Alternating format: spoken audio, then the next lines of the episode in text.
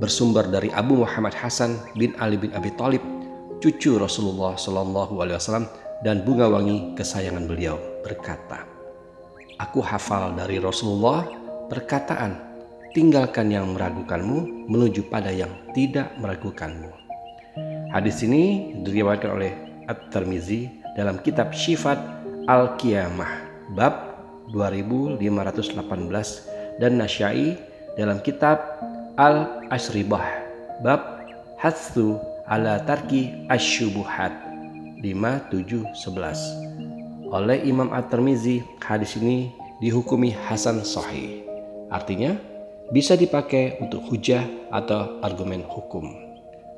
Sahabat yang meriwayatkan adalah Hasan bin Ali bin Abi Thalib cucu kesayangan Rasulullah Shallallahu Alaihi Wasallam yang masyur dari pasangan Fatimah dan Ali bin Abi Thalib Kelak di akhirat Hasan dan Husain menjadi penghulu pemuda di surga. Secara umum, maksud hadis ini adalah ketika kita menghadapi sesuatu yang meragukan, maka segera tinggalkan. Kemudian pilih yang meyakinkan hati.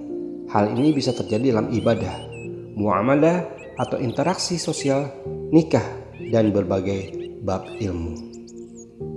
Kalau ada orang sudah wudhu, kemudian sholat, lalu ragu-ragu apakah sudah wudhu atau belum, maka yang dipilih adalah yang meyakinkan.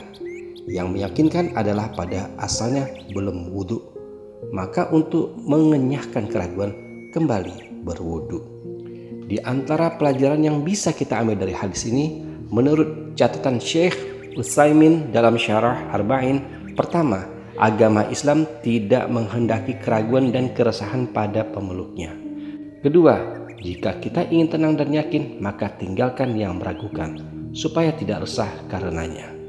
Ketiga, Rasulullah Shallallahu Alaihi Wasallam diberikan kemampuan menarasikan kalimat singkat dengan makna yang padat atau komprehensif. Hadis ini jika diuraikan bisa menjadi berjilid-jilid buku besar karena kedalaman makna dan isinya.